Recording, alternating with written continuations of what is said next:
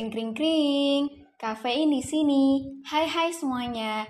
Apa kabar nih kalian semua? Aku harap kalian senantiasa sehat ya di mana pun kalian berada.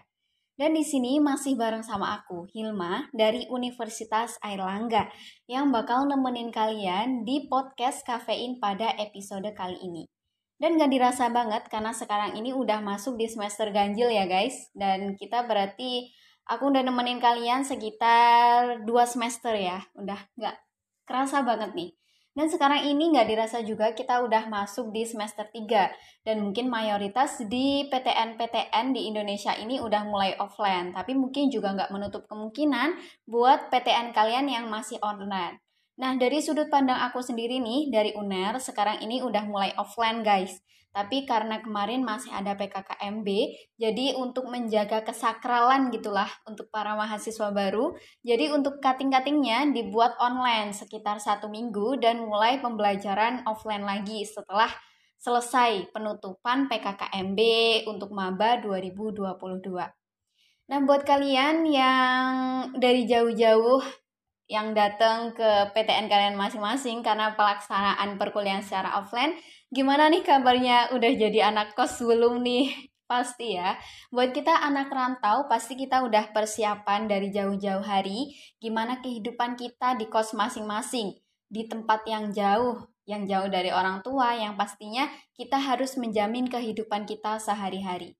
Nah, mungkin kali ini aku bakal bahas sedikit mengenai perkuliahan kita secara offline dan juga kehidupan di kampus.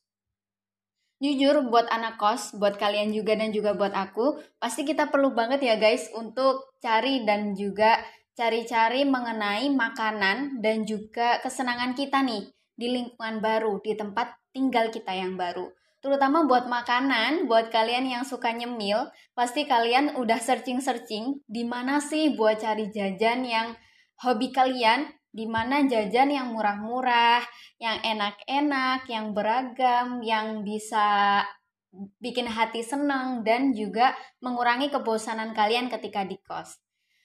Gak menutup kemungkinan juga karena sebenarnya di kampus ini juga ada nih guys buat tempat makan. Ya, di mana lagi kalau bukan di kantin. Karena pasti di setiap kampus nih pasti juga ada kantinnya kan, entah itu kantin bersama atau mungkin juga kantin di fakultas. Jadi di sini aku mungkin bakal bahas-bahas tapi dari sudut pandang aku di UNER karena aku yang kuliah di UNER.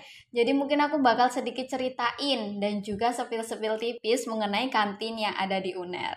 Oke. Yang pertama, jadi mungkin secara umum ya guys, di kantinnya di UNER ini ada kantin umum dan juga ada kantin yang ada di fakultas. Jadi aku dulu sempet dengar kabar dari cutting kalau kantin ini ada di masing-masing fakultas yang berdiri di UNER. Karena kalian tahu sendiri di UNER itu ada tiga kampus, yaitu ada kampus A, kampus B, dan kampus C, yang mereka itu punya fakultasnya masing-masing. Jadi kayak dibagi jadi tiga tempat gitu loh. Jadi masing-masing kampus ini pasti juga punya kantin sendiri-sendiri. Dan dulu katanya setiap fakultas ini menyediakan kantin. Jadi misalkan dari aku di FST, dari Prodi Statistika ini, dia punya kantin sendiri. Jadi kantin FST gitu. Mungkin kantin FKM untuk kesehatan masyarakat. Kemudian juga ada kantinnya Fakultas Keperawatan, kemudian juga dan lain-lain lah ya.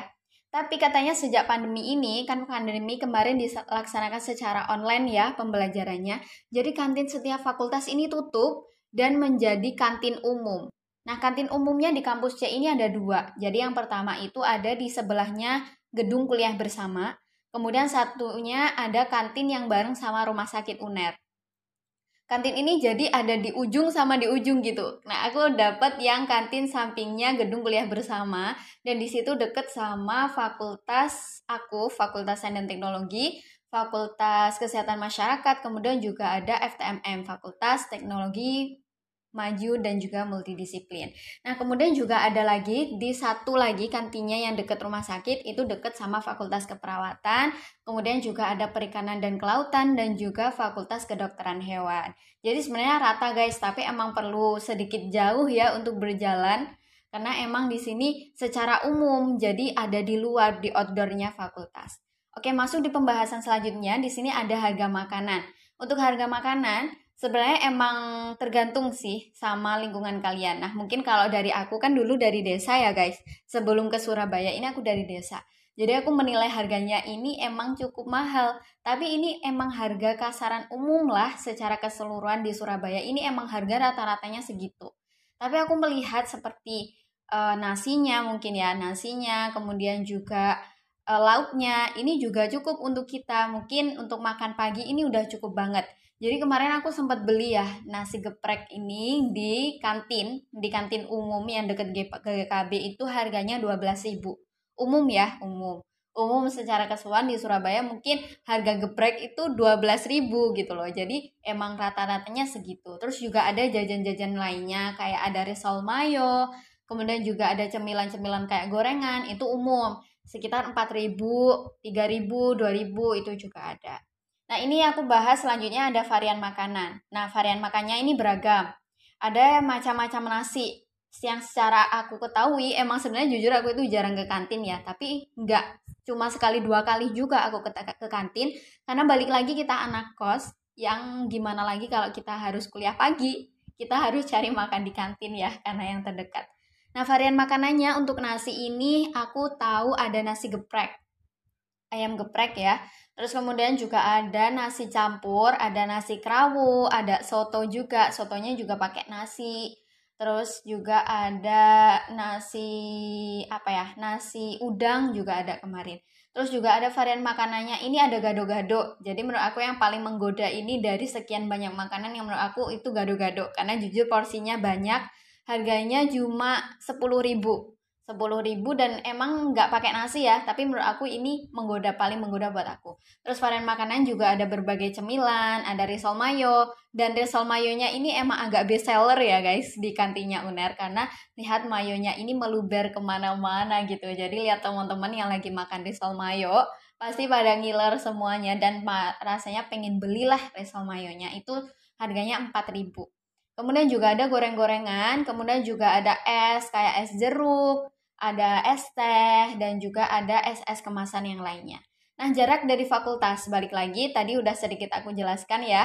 Jadi lumayan dari FST ke kantin umumnya yang deket GKB ini lumayan. Sekitar uh, ya jalan kaki ya capek lah intinya gitu ya. Tapi ya juga nggak capek-capek banget.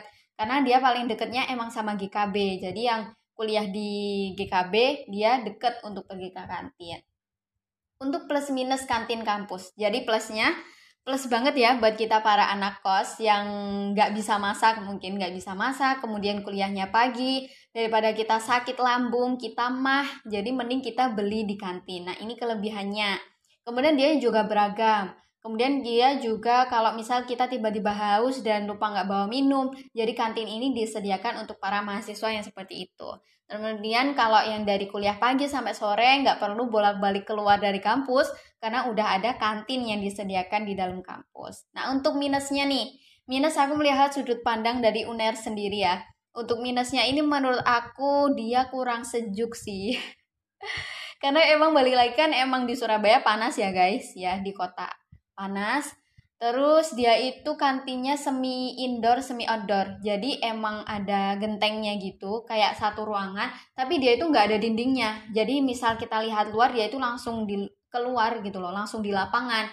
Dan uh, di sekitar situ emang lumayan dikit ada pohon. Jadi kesannya panas, hawanya panas itu sangat terasa. Terus nggak ada AC, jelas karena kita outdoor. Ada sih kipas angin kayak blower gitu gede sekitar ada dua atau tiga. Tapi untuk mencakup uh, luasnya kantin seluas itu menurut aku kurang gitu loh. Kalau misal kita di tengah-tengah ruangan, dia itu nggak dapet dinginnya blower gitu. Nah menurut aku itu sih minusnya. Di luar itu udah oke okay banget sih menurut aku. Terus yang kelima, tips untuk memilih makanan enak di kantin ya, di kantin kampus. Pasti kalian nggak mau kan beli mahal-mahal terus tiba-tiba kayak nyesel banget anjir beli ginian gitu kan. Nah, menurut aku tipsnya yang pertama mungkin survei ya dari teman-teman kita. Teman-teman kita kan kamu kalian pasti mengenal teman-teman kalian. Makin lama makin melihat, oh orang ini seneng loh jajan, orang ini sering banget loh beli di kantin. Nah, mungkin kalian biasa pertama survei dulu nih ke teman-teman kalian. Ini enak gak sih? Kayaknya enak deh. Oh ya udah aku beli. Harganya berapa ya? Yang pertanyaan tanya dulu sih menurut aku terutama buat kita teman-teman kos yang pasti juga memanajemen keuangan kita. Kan perlu banget. Tanya dulu harganya berapa, rasanya enak nggak? Nah, untuk selera baru kita coba masing-masing karena jujur untuk tanya soal makanan ini emang kurang sesuai karena selera kita jadi manusia kan beda-beda. Jadi yang pertama tanya, survei, kemudian yang terakhir kita coba semuanya. Oke. Oke teman-teman kafein, terima kasih ya yang udah dengerin podcast kita pada malam hari ini dan gak dekerasa aku udah nemenin kalian sekitar 10 menit lebih dan tandanya aku harus pamit undur diri dan jangan lupa uh, teman-teman kafein untuk selalu pantengin nih at tim inspirator lulus PTN di Spotify maupun juga di Instagramnya karena pasti ada juga konten-konten seru lainnya. Oke, selamat Sampai jumpa dan semangat untuk kuliahnya teman-teman kafein sekalian. Bye-bye sobat kafein kesayangan.